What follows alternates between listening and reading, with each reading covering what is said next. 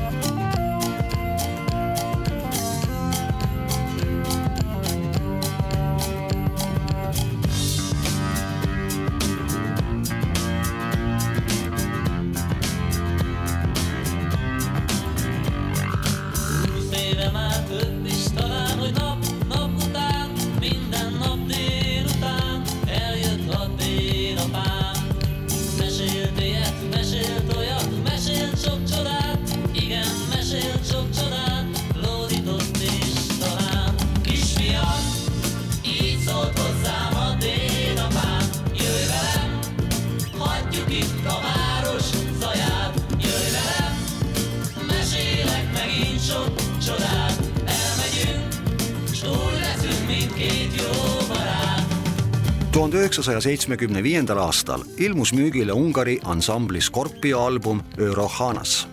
paljud muusikahuvilised on hiljem imestanud, et ajal, mil ei kasutatud plaadi kokkumängimisel veel kompuutertehnikat, sämplimist ja nii edasi, suutis Scorpio vaid pillide ja võimendustega saavutada nii võimsat soundi tuhande üheksasaja seitsmekümne kolmandal aastal loodud ja kakskümmend aastat tegutsenud ansambli Scorpio moodustasid neli pillimeest. Laulja ja basskitarrist Friend Reis Karoli, kitarrist Gabor Antal Saks, klahvpillimängija Gyala Papp ja trummar Gabor Fekete selle plaadi üheks hitiks kujunes kauni meloodiaga pala Isizolt Hosam Odeta Pam on isegi väidetud, et kui selle loo oleks kirjutanud ja esitanud mõni Inglise popstaar, oleks see võinud istuda pikka aega hititabelite eesotsas.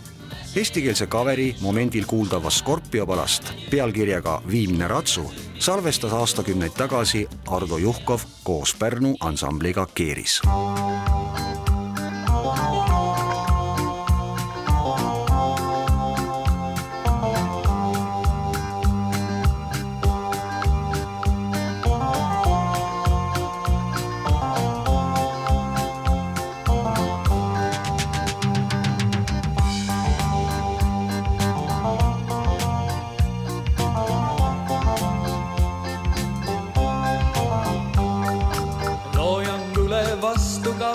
kappab üksik hobune, kuhu viib küll tema tee, kas tal pole peremeest.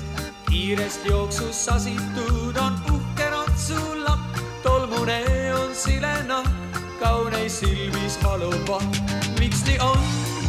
sind ei vaja keegi enam nüüd ja kas on kõiges selles sinul üldse süü, et meil kõik masinate abil tehtud saab, aga sind inimene varsti unustab.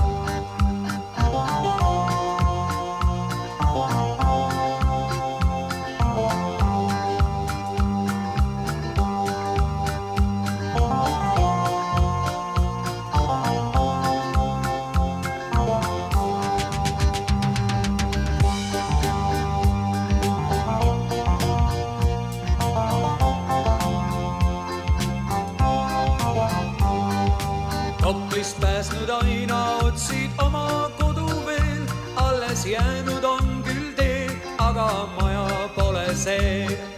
põrnitseb sind sajasilmne kivihiiglane, justkui sulle selgeks teeks, et sa oled viimane. miks nii on?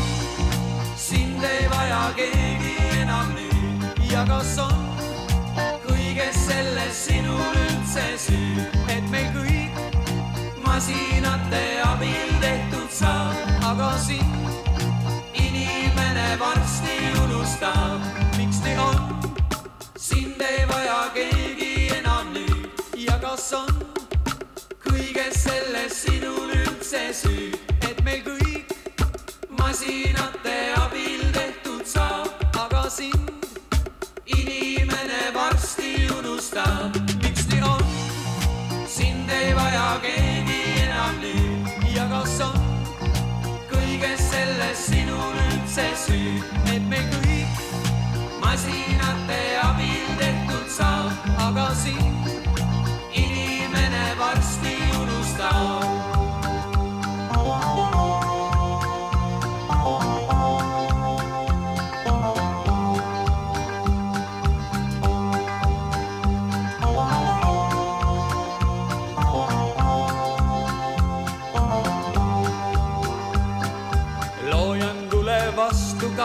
kappab üksik hobune, kuhu viib küll tema tee. kas tal pole peremeest?